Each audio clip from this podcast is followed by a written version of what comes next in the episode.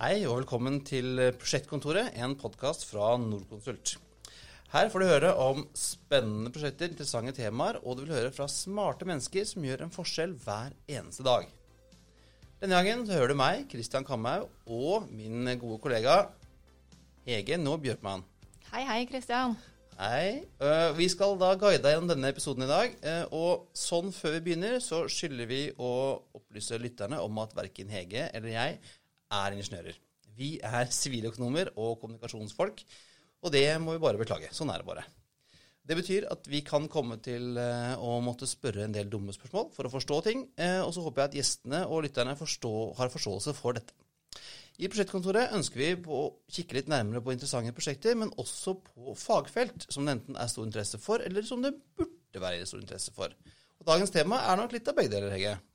Ja, det tror jeg du har helt rett i. For uh, i dag skal vi snakke om inneklima i bygg.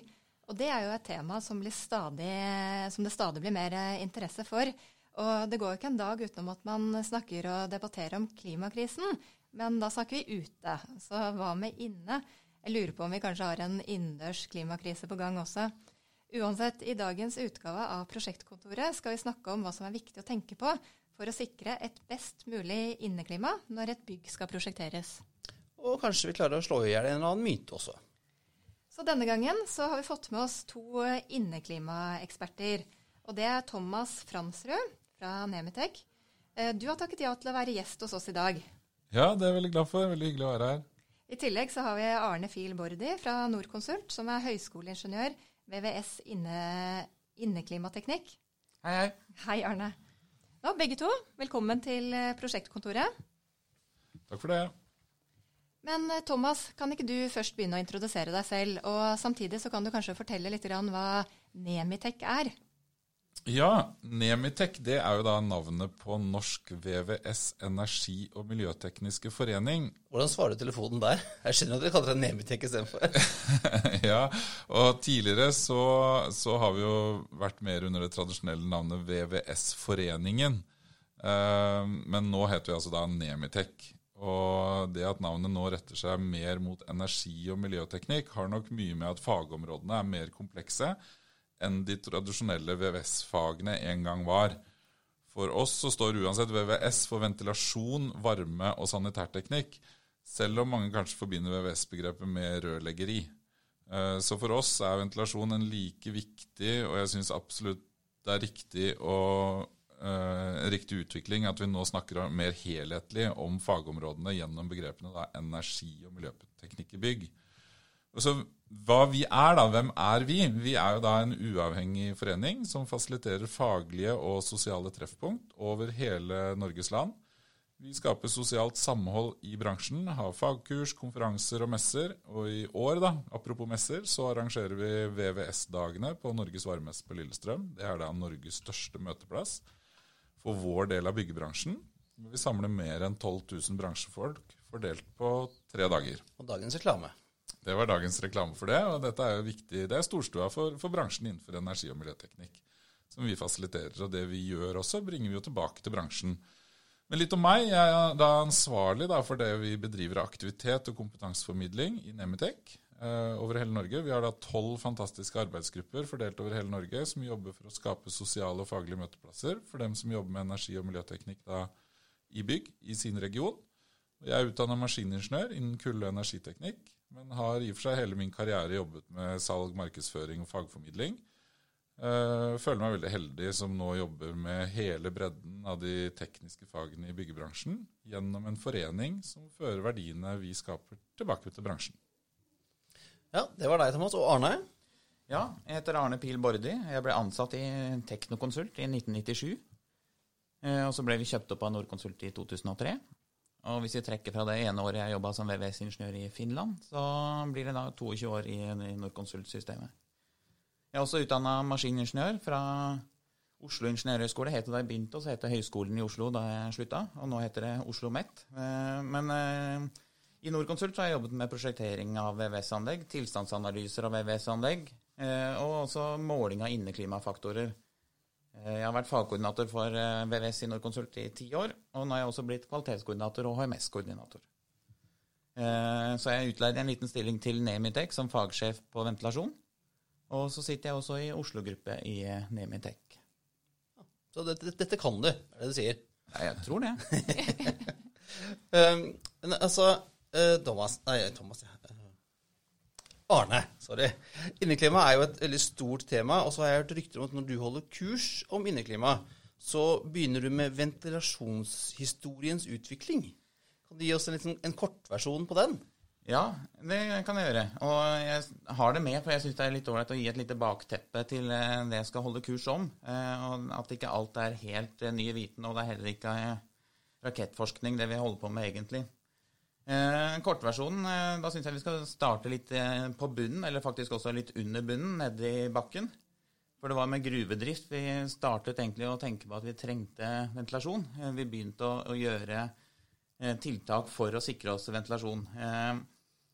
Og før år null så ser vi indisier på at man tenkte på ventilasjon. Vi har ikke nødvendigvis noen helt spesifikke beviser.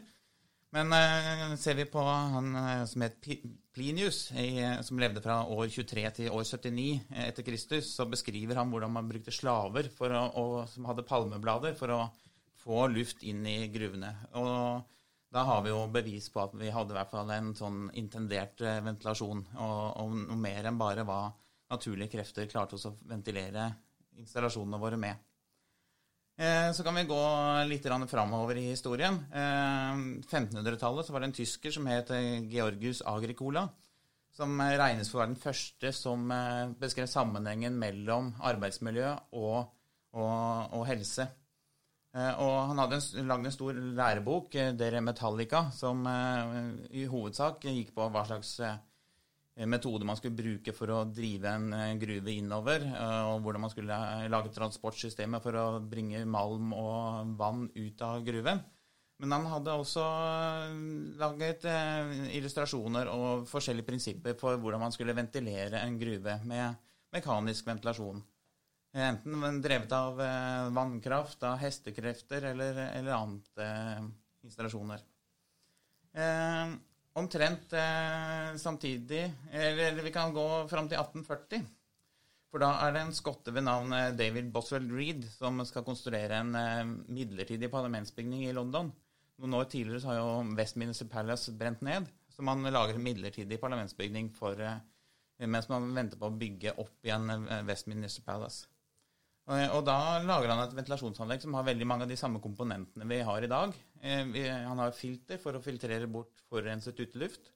Eh, da var allerede Ja, For London på den tiden var ganske, det var ganske ekle greier? Ja, det var mye kullstøv, eh, dårlig forbrent kull og, og problemer med smog og sånne ting. Så folkehelsa, og at et problem for folkehelsa var uteluften, det, det visste man om. Eh, så han eh, installerte da ventilasjonsanlegg med, med filterløsninger. Eh, både en filterduk og, og, en vannspray for å prøve å få slått ned disse litt tunge, ekle sakene som var i lufta. I tillegg så var det oppvarming og kjøling av lufta. Og det var også behovsstyrt ventilasjon. Avhengig av hvor mange personer som var i salen, så kunne man åpne og lukke luker for å få riktig mengde luft inn. Det hadde de kontroll på allerede da, at det, at det var forskjell på mange folk som var inne? Ja. ja et, et og annet bygg som kunne lært, om, lært noe om det i dag, da? Ja, ja. Nei, det kan sikkert eh, Og det er litt derfor jeg tar det med også, for å vise at dette her er ikke helt ny viten.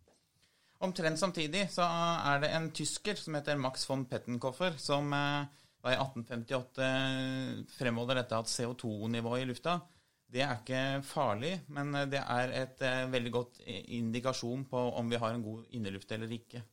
Og han fastholder det at, at en CO2-konsentrasjon på 1000 ppm innendørs det er et mål på om man har en, en, forsvarlig innemiljø eller ikke. Og det er det samme grenseverdiene som eh, helsemyndighetene og Arbeidstilsynet bruker i dag som grenseverdi på om det er et godt eller et dårlig innemiljø.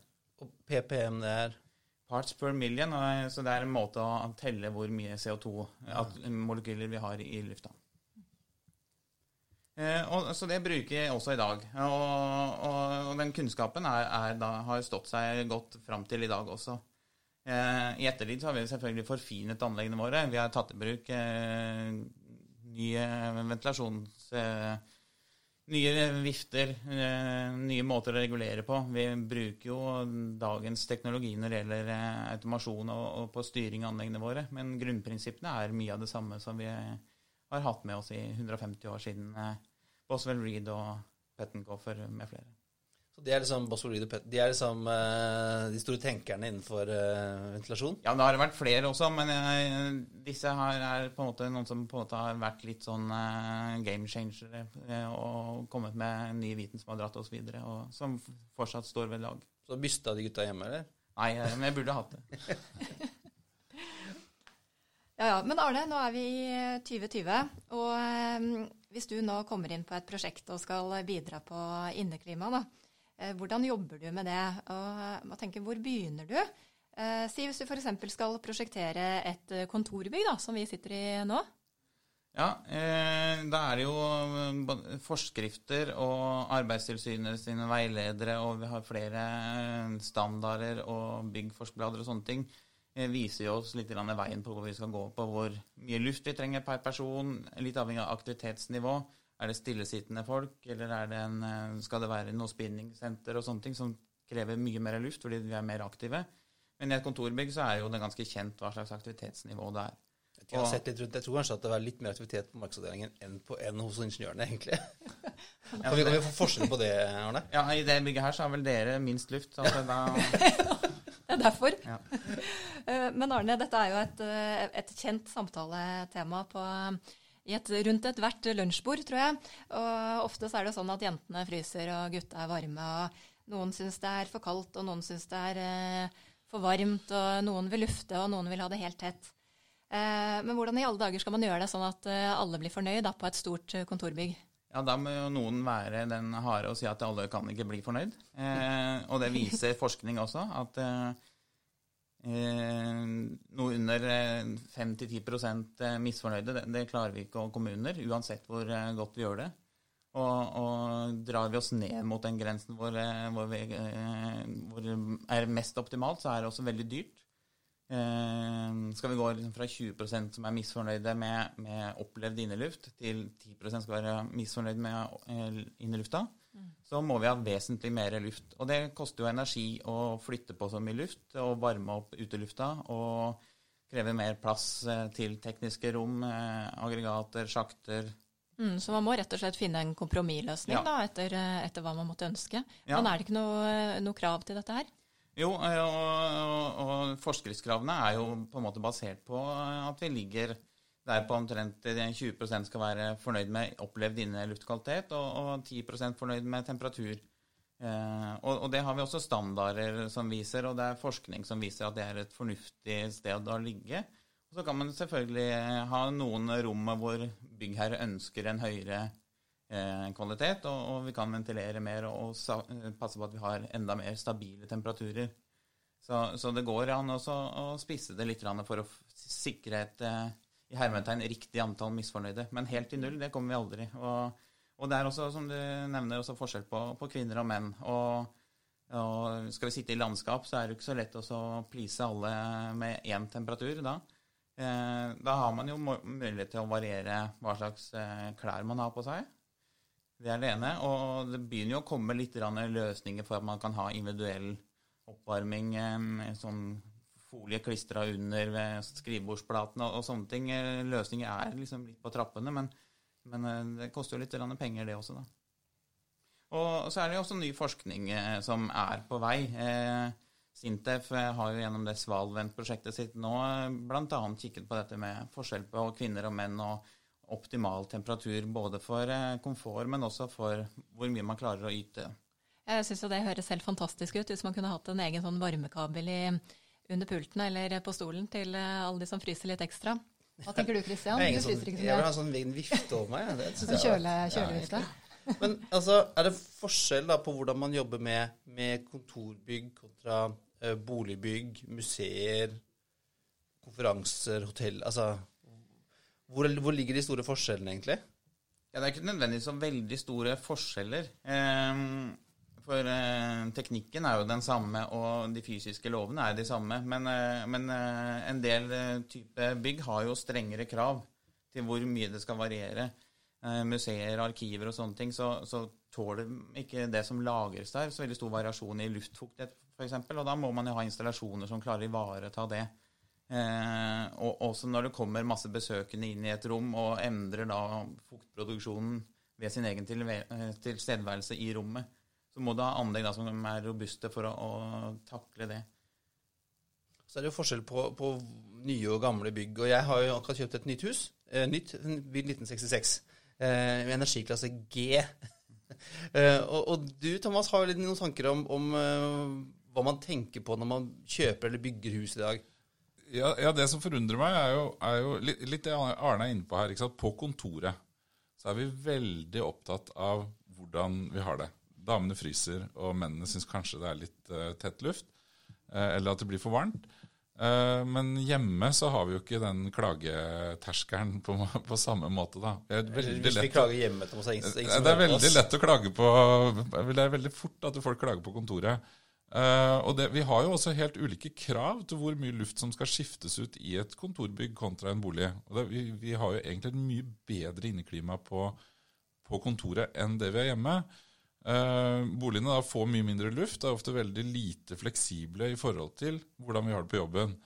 Og boligbyggerne installerer jo da ventilasjonsanlegg.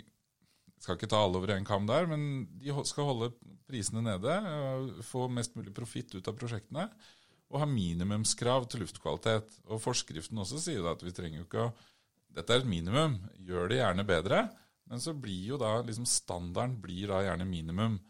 Uh, og de er lite fleksible på å regulere luft. Hvis f.eks. et gjesterom er dimensjonert som noe annet enn et soverom, så blir det liksom dårlig å, å legge en familie inn der, da, hvis vi har det på besøk, uh, og lukke igjen døra. Uh, da blir det ikke et godt klima der inne. Og det, liksom den reguleringen, er at man kunne da hjemme si ok, nå er det et soverom, liksom switch.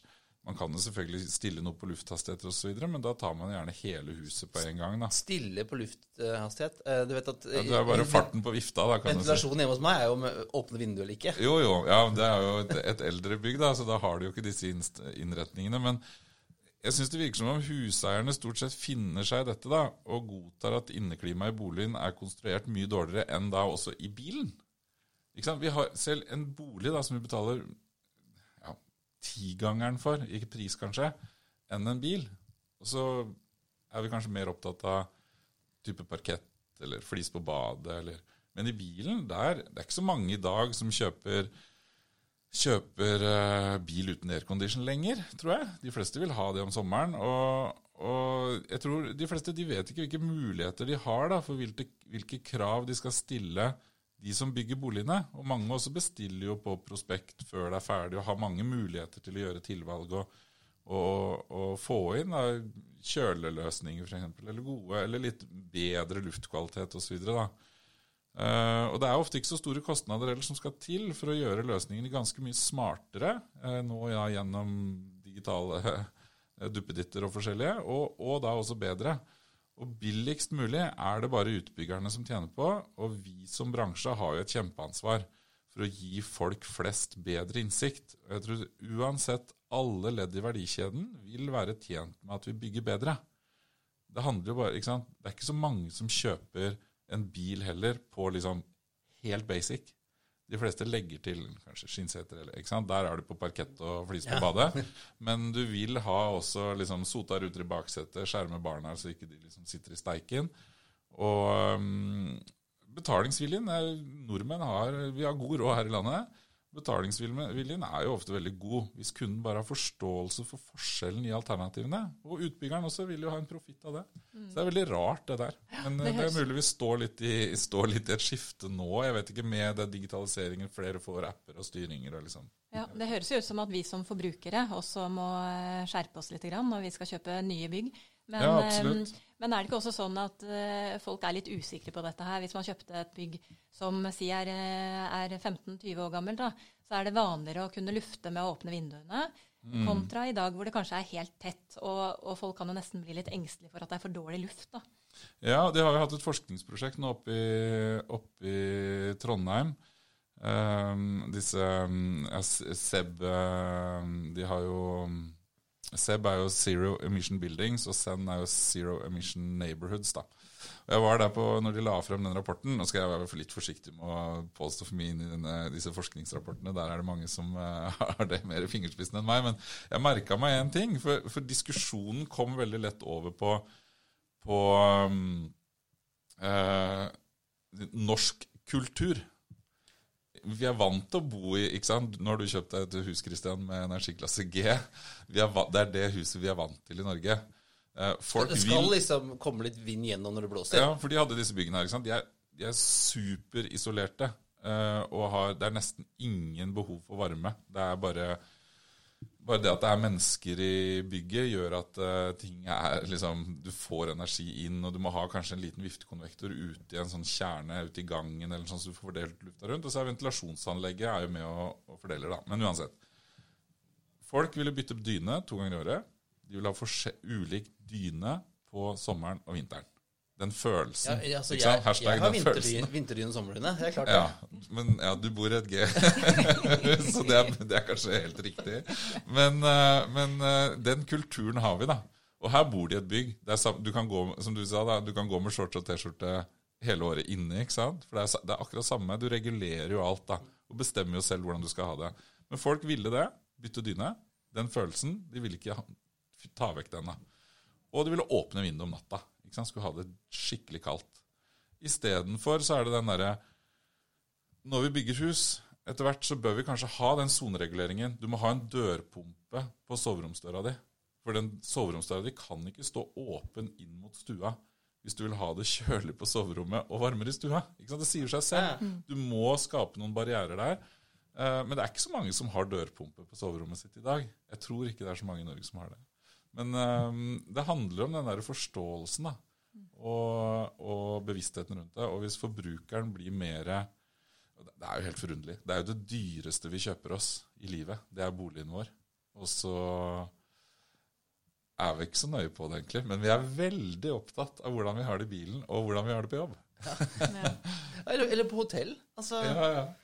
ja. Nei, um, altså det var bolig. Har, har men Det må jeg spørre om, dette det kan jeg jo ikke. men har, du, har, noen av dere jobbet på noen bygg som er helt, sånn, helt sjuke krav til, til uh, Du var innom museer og arkiver og sånn. Er det noen, har jobbet med noen som sånn, har sånn veldig rare krav? Eller sånn, litt sånn crazy greier? Ja, jeg har jobbet litt med skytebaner for Oslo politidistrikt. Og der var det jo også litt at eh, kravene måtte vi finne litt ut av, og, og kanskje se om de var gode nok. Eh, det startet egentlig med, med, med, litt undersøkelser i Hordaland politidistrikt, som, eh, som, de hadde fått gjort der. Med, hvor de så at, at, de som var mye på skytebaner, de hadde litt med helseproblemer og for mye blod, blod, bly i blodet. Ja, for partikler og kruttslam ja, man, og sånn? puster inn for mye forurensninger, da. Så de ønsket å, å se hvordan sto dette til i Oslo. Eh, og da måtte vi kikke litt på, på, regelverket som eh, var, om det var eh, godt nok. Og vi gjorde en god del målinger også med ganske tung belastning på skytebaner, med mye skyting i løpet av en dag, som jo gjenspeiler hva de som jobber med skyting, er utsatt for. Og også de som jobber som instruktører på skytebaner med mye skyting. Det er jo arbeidsmiljøet deres også. Eh, og da gjorde vi målinger av eh, lufthastigheter, og vi målte hvor mye forurensning luft de hadde i innåndingssonen sin. Vi brukte noen filter som eh, vi satte rett ved siden av munnen, og så sendte vi de til analyse etterpå for å se hva slags luft var de egentlig pusta inn. Og, og, da kom vi til at, at, vi trengte en god del mer luft enn det kravene satte. Og, og der vi i kontorbygg, for å ta tilbake der, gjerne ikke skal ha mer enn 0,15 meter per sekund fordi, for å slippe at vi opplever for mye trekk, så, så trengte vi der hastigheter på 0,6. Altså fire ganger så mye trekk trenger vi der for å fjerne forurensningene. Så det, ja, så det blir jo på en måte et helt annen setting å, å se på ting i. Så det er spennende. Nei, men Dette er jo kjempeinteressant, ikke minst også for eh, allergikere. og Man kan jo dra en parallell til biler, hvor bilselgerne er veldig flinke til å forklare hvordan de har laget et pollenfilter for de som kjører bil. Eh, men hvordan er dette på arbeidsplassen, eh, Arne? Ja, Stort sett så moderne ventilasjon så har vi jo filter inne. Eh, og det står i forskriften at vi skal ha det. Når utelufta ikke har tilstrekkelig kvalitet, så, så skal vi filtrere den før den kommer inn. Eh, det går jo mye på som menneskeskapte forurensninger fra, fra biltrafikk og, og, og, sånne ting. Eh, men eh, vi har jo også et krav gjennom universell utforming til at vi skal lage et innemiljø som er godt for de som sliter med luftveislidelser og f.eks. allergi. Da.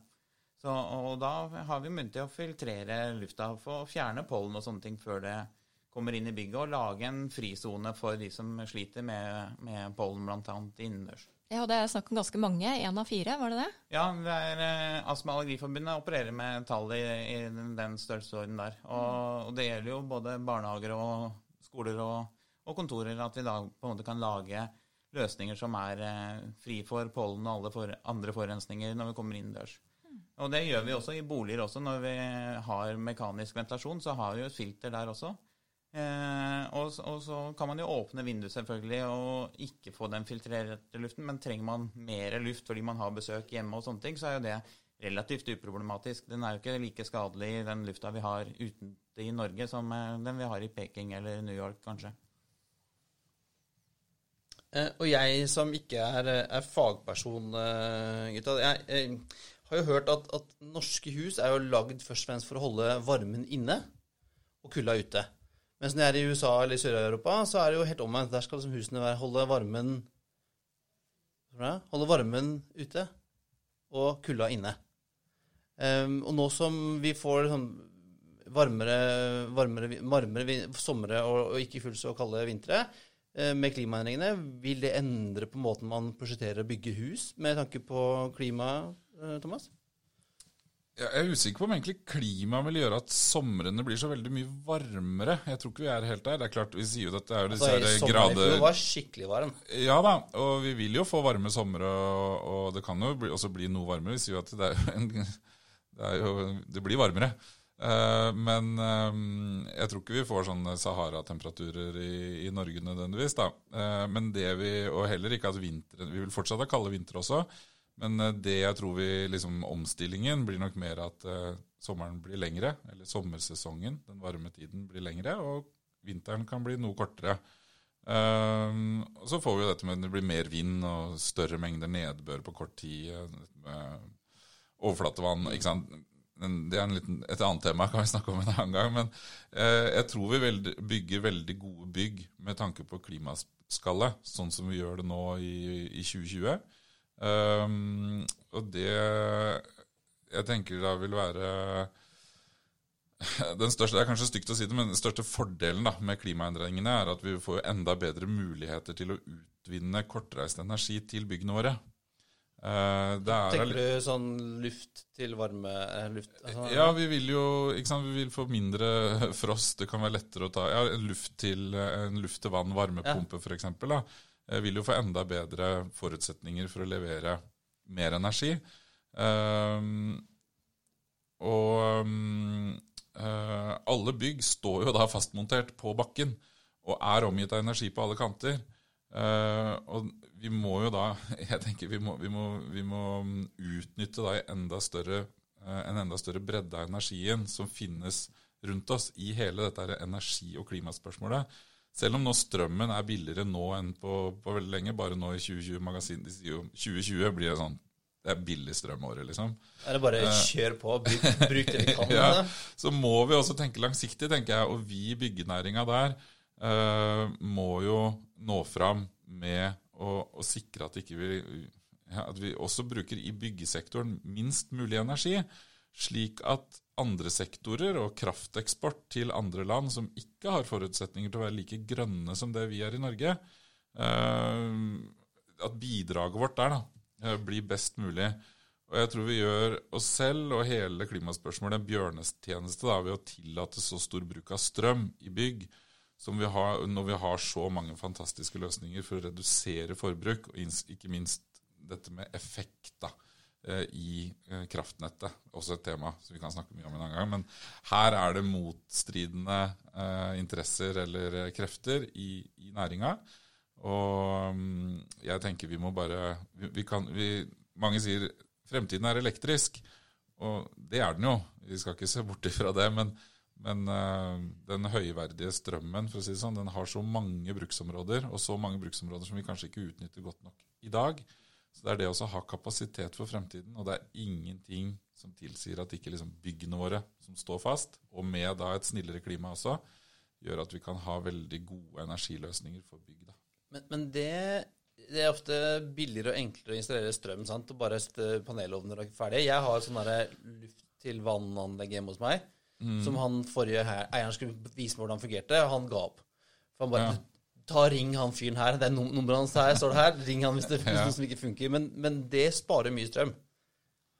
Ja, det er klart. Og- og- men- du, og du kan ha fjernvarme, du har Ja. bio, du har solenergi, du Grave i bakken, og du kan ja, varmepumper Ja. osv. Så, videre. så det er mange løsninger der. Det er klart det blir noe mer teknisk, men dette her også er jo, er jo ting som blir eh, Det er mer og mer brukervennlig og, og, og stabilt og kjempefin teknologi. Så, så, og, og den derre priskrangelen som er der også, er jo Det er klart det er veldig billig og enkelt å bare klistre en panelovn på veggen, men det er jo egentlig billig med en gang du kjøper den. ikke sant? Det er jo der du, du bruker jo så mye mindre energi hvis du har en annen eh, energikilde, f.eks. en varmepumpe eller, eller noe annet. Så, så bruker du på en måte mer det innskuddet ditt da, av strøm er mindre. Så på tid Driftskostnadene dine blir jo mye lavere, så du tjener jo inn igjen den investeringen ganske fort. da.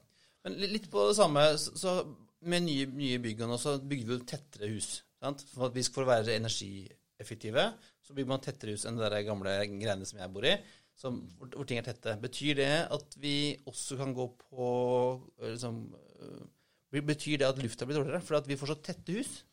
Jeg, jeg, tror det er, eh, jeg tror det er riktig og viktig at vi bygger bygg med en optimal klimaskjerm.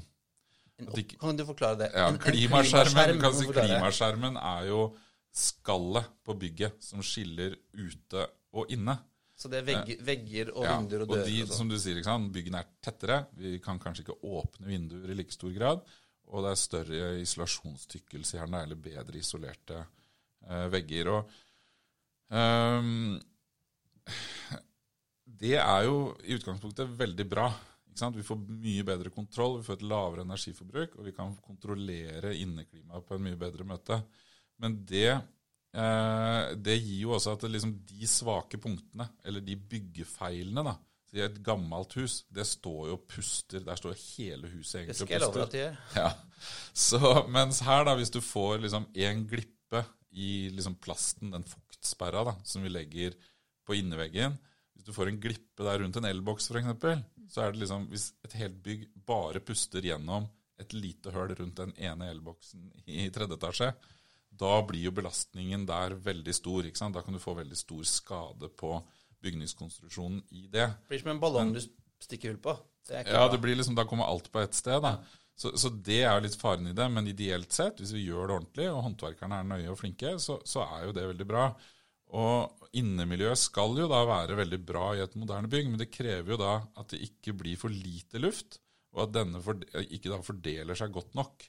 Og Et annet aspekt for godt inneklima i tette bygg er jo riktig filtrering, ikke sant? Som, som Arne har vært inne på nå. Der skjer det masse. Vi snakka litt om pollen og, og den biten også, men nå, filterteknologien også nå har jo kommet kjempelangt. Det- Dette med forbrenningspartikler for eksempel, i et bymiljø, de kan jo ja, de kan ta bort så mye. De filtrerer jo. ikke sant? Operasjonsstuer, da, kanskje det mest ekstreme vi har.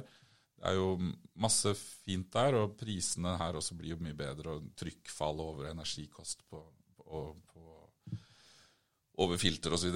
Her, her har bransjen også gjort dette på en veldig bra måte. da.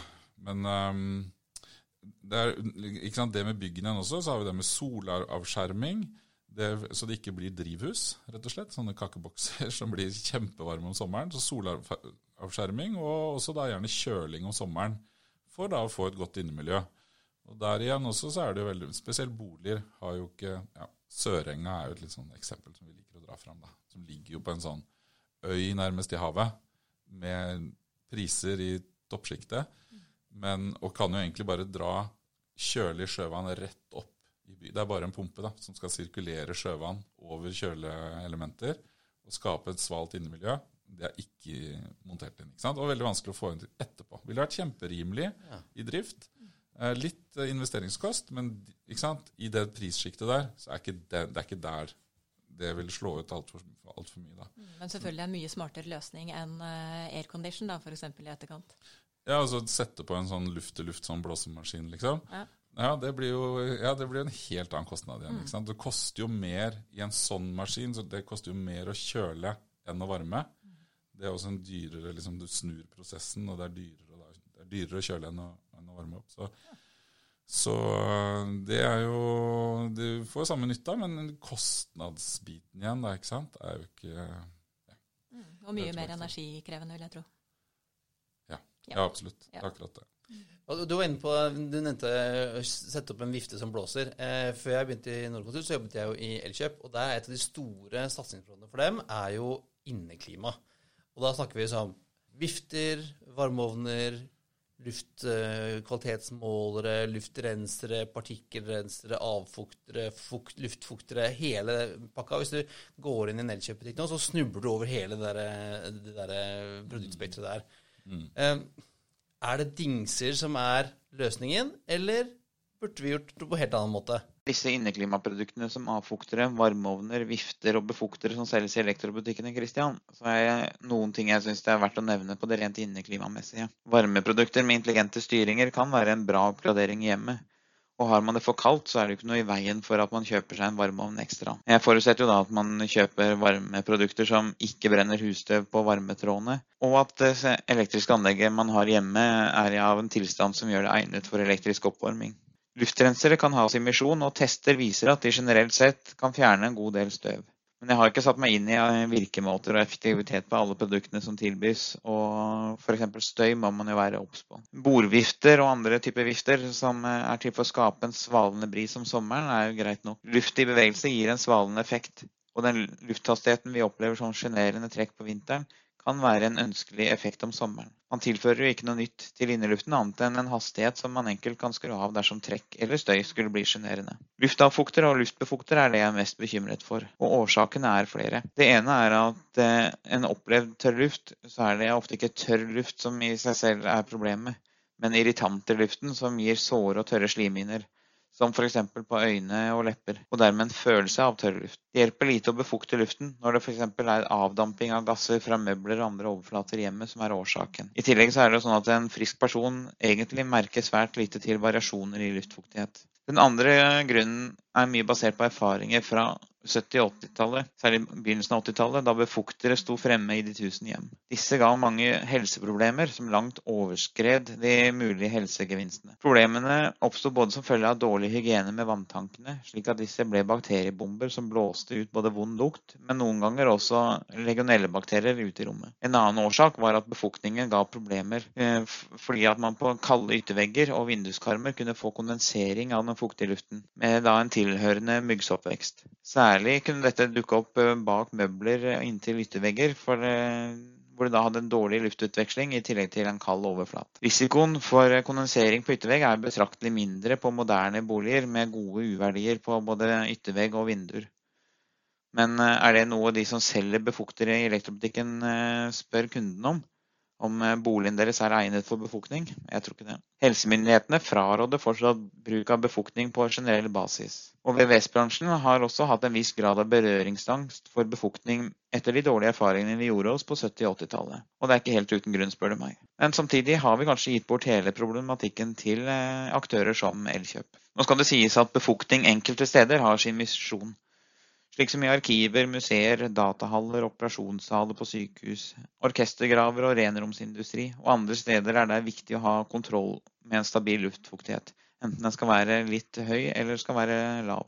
Enkelte astmatikere kan også ha nytte av eh, rombefuktning, men det er samtidig verdt å merke seg at Norges astma- og allergiforbund likevel fraråder bruk av befuktere. Jeg tror jo det er mye bedre å få integrerte systemer i byggene, sånn som vi i og for seg har det i kontorbygg i dag, ikke sant? så har vi full kontroll på både varme, temperatur hele året. Det er varmeløsninger om, om vinteren og, og kjøleløsninger om sommeren. Og det er mye bedre å få det integrert på en god måte enn å gå på Elkjøp og kjøpe masse sånne frittstående, løse eh, dingser da, som skal stå og blåse eller fukte eller, eller, hva som helst. Men jeg tror den der digitalisering og, og smarthusoptimaliseringen har jo egentlig lenge vært en sånn snakkis, og det har vært litt sånne dingser og litt sånn forskjellige. Men jeg opplevde i hvert fall det. sånn På mer på større bygg osv. Så, videre, så er Så syns jeg 2019 var liksom året hvor det gikk mer over i konkrete løsninger, og vi fikk veldig mye bra inn i forhold til å bare liksom snakke veldig mye om den inn i glasskula, da, og se inn i glasskula. Men uh, jeg er overbevist om at, det vil, um, ja, dette her vil jo også få en revolusjonerende utvikling fremover. Og sensorikk som gir oss uh, nye muligheter for å lese og lære parametere for bruk i bygg, gir oss nye og bedre muligheter for å optimalisere byggene. Og det er utrolig gøy også å se at det er norske selskaper som uh, ligger veldig langt framme i den delen av liksom, teknologiverden og digitaliseringen. Vi har firmaer som Airthings, Disruptive Technologies, for å nevne bare to. Det er flere andre også som virkelig markerer seg internasjonalt i det her segmentet. da. Og da når de store tech-selskapene, skal vi si liksom Apple, Google eller Amazon eller Det er mange store tech-selskaper som driver som vi ser at jeg har begynt å gjøre oppkjøp av ulike firmaer. De ser at de begynner å posisjonere seg. Du har jo Apple Home, nei, Google Home og en del Google, sånne så ting. Men... Så kjøpte Nest, som egentlig var et type smart uh, mm. oppvarmingssystem. sant? Ja, ja. Det ligger jo nå innen Google-paraplyen. Ja. Uh, så så når disse her virkelig setter trykk på, og de vet hvordan vi si, suser rundt i byggebransjen, når de virkelig setter trykk på, så kommer det til å bli ganske annerledes, tror jeg. Og vi vil få standardisering på en annen måte. Vi har, vi har jo bolig Du kan jo kjøpe bolig fra katalog. Jeg tror ikke det er så mange kontorbygg eh, på katalog. Men det er jo den der læringen, det er det konsulenten og, og byggherrene snakker om hele tiden. Vi begynner på nytt hver gang. Og kontraktene gjør at vi, vi får nye samarbeidspartnere i hvert prosjekt. Så vi, vi, den læringen og den erfaringen vi opparbeider oss, den blir liksom Vi, vi må gå to skritt tilbake for hvert nye prosjekt. da. Det kan sikkert Arne si litt mer om. Ja, men Det er veldig interessant å høre litt mer om hvordan det blir framover. Arne, hvordan tror du et kontorbygg ser ut om uh, ti år? Det er vanskelig å si. Um, for Hvis du ser eh, spoler litt tilbakeover, så, så er det ikke så veldig stor forskjell på går inn i et, eh, bygg som det vi sitter i nå, som egentlig er et 20 år gammelt bygg, og, et, eh, et, eh, helt ferskt bygg, så ser det ganske likt ut. Eh, Tillufts- og avtrekksventiler ser ganske likt ut, og, og, det ser ikke ut som det har skjedd så veldig mye. Eh, men går du inn i tekniske rom, så vil du se at eh, aggregatene som, som, forsyner bygget med luft, er, er helt annerledes inni enn det de var for 20 år siden. Eh, vifteteknologien har, har, kommet veldig langt. Eh, vi bruker mye, mye, mindre energi på å flytte luft. Eh, vi bruker helt moderne styringsteknologi på å regulere temperaturer. Filterteknologien som Thomas var inne på, har blitt vesentlig bedre. Vi filtrerer bort mer forurensninger og bruker mindre trykktap over de, altså vi bruker mindre energi til å frakte lufta forbi et filter. Eh, eh, så, og veldig mange aggregater som leveres nå, de er ferdig koblet opp mot skyene også, så driftspersonell kan sitte på iPaden sin hjemme og, og se at eh, ventilasjonsanlegget leverer det det skal. Eh, så det skjer veldig mye i det skjulte i bransjen vår. Eh, så, så eh, hvordan det vil gå videre framover, det er vanskelig å si. Eh, forskningen går litt forskjellig, og, og akkurat hvilke, hva som vil være det vinnende sporet, det, det, er litt vanskelig å si. Om det blir eh, personlig ventilasjon, at du får akkurat den lufta du ønsker, den mengden og den temperaturen du ønsker, at du vil få akkurat den temperaturen du ønsker på beina med disse stråleplatene som vi prata om, om det er dit vi går, eller om det blir for avansert og, og for, eh, for, dårlig bærekraftig, det, det vet vi jo ikke helt ennå. Eh, men, eh, men, de fysiske tingene vi var innom helt på starten i dag, altså hvor mye luft vi trenger, og hvor varmt og hvor kaldt og, og sånne ting, det er relativt robuste saker. Så akkurat på de grunnforutsetningene tror jeg ikke det endrer seg så veldig mye. For Du var litt innom det også, Thomas. Men smarte hjem er jo også en sånn, en sånn trend som, som har de siste årene. hvor som, Vi har gått fra å snakke om det til at vi faktisk kan ha smarte ting. Hjemme hos meg så kan kan det f.eks. lyse blått ute i gangen hvis det skal regne. Da må vi huske å ta på en paraply.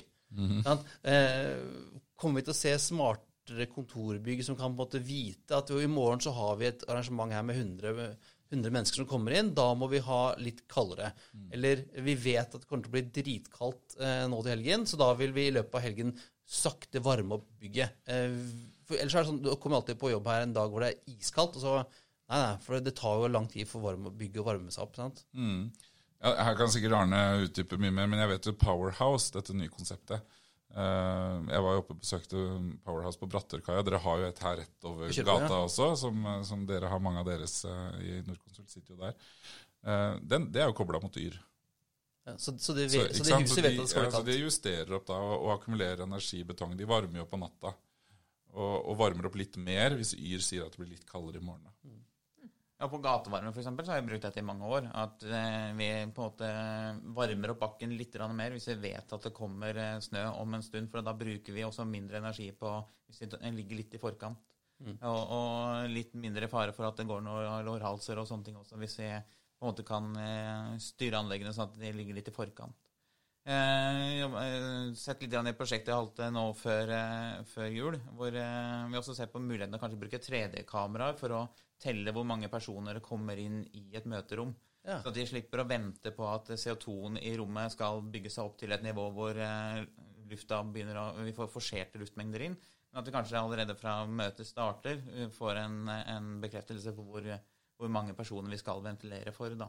Koble det opp mot Outlook, så vet du at det er kalt inn 14 mennesker til møte. Så Ja, Det kan være en eh, mulighet eh, også. Og på hoteller så gjør man jo det, kobler booking opp mot eh, regulering av varme og, og kjøling og ventilasjon. Altså at du ikke ventilerer rom som ikke står bebodd, og ikke varmer opp før folk skal komme og sånne ting. Ja, Det er kanskje det eneste vi er helt sikre på, er at fremtidens inneklimaløsninger bare blir smartere og smartere. Men eh, Thomas, før vi eh, avslutter, du har jo kommet hele veien fra, Fra Oslobyen. Oslo til Sandvika. Um, du skal i hvert fall få lov til å reklamere litt for um, en annen podkast som eh, kanskje ikke er konkurrerende, men eh, komplementerende, vil jeg tro. Ja, absolutt. Ja, jeg ser i alle fall ikke på som noen konkurrenter på noen som helst slags måte. Det er, jeg tror det er et stort potensial i vår bransje for å nå ut til hverandre, rett og slett. Vi må skape engasjement utenfor eget kontor. Vi har mange fantastiske, flinke fagfolk i bransjen, men det er det der, de der som, det der å stikke seg frem, skape engasjement og, og, og debatt og utvikling og åpenhet, da. det tror jeg det er mye igjen på. Så Podkaster er, er jo fint for for å få folk til å føle liksom samhørighet og, og, og kjenne på litt det som er utenfor egen, egne kontorvegger. Så det vi gjør, da, eller jeg i den podkasten jeg har, det er at vi setter fokus på de grunnleggende fagområdene. Da innenfor ventilasjon, vannbaserte varme- og kjølesystemer og, og sanitærteknikk. Og på mange måter så er det jo det fundamentet i det vi kaller energi- og miljøteknikk i bygg. De gode, gamle VVS-fagene, da.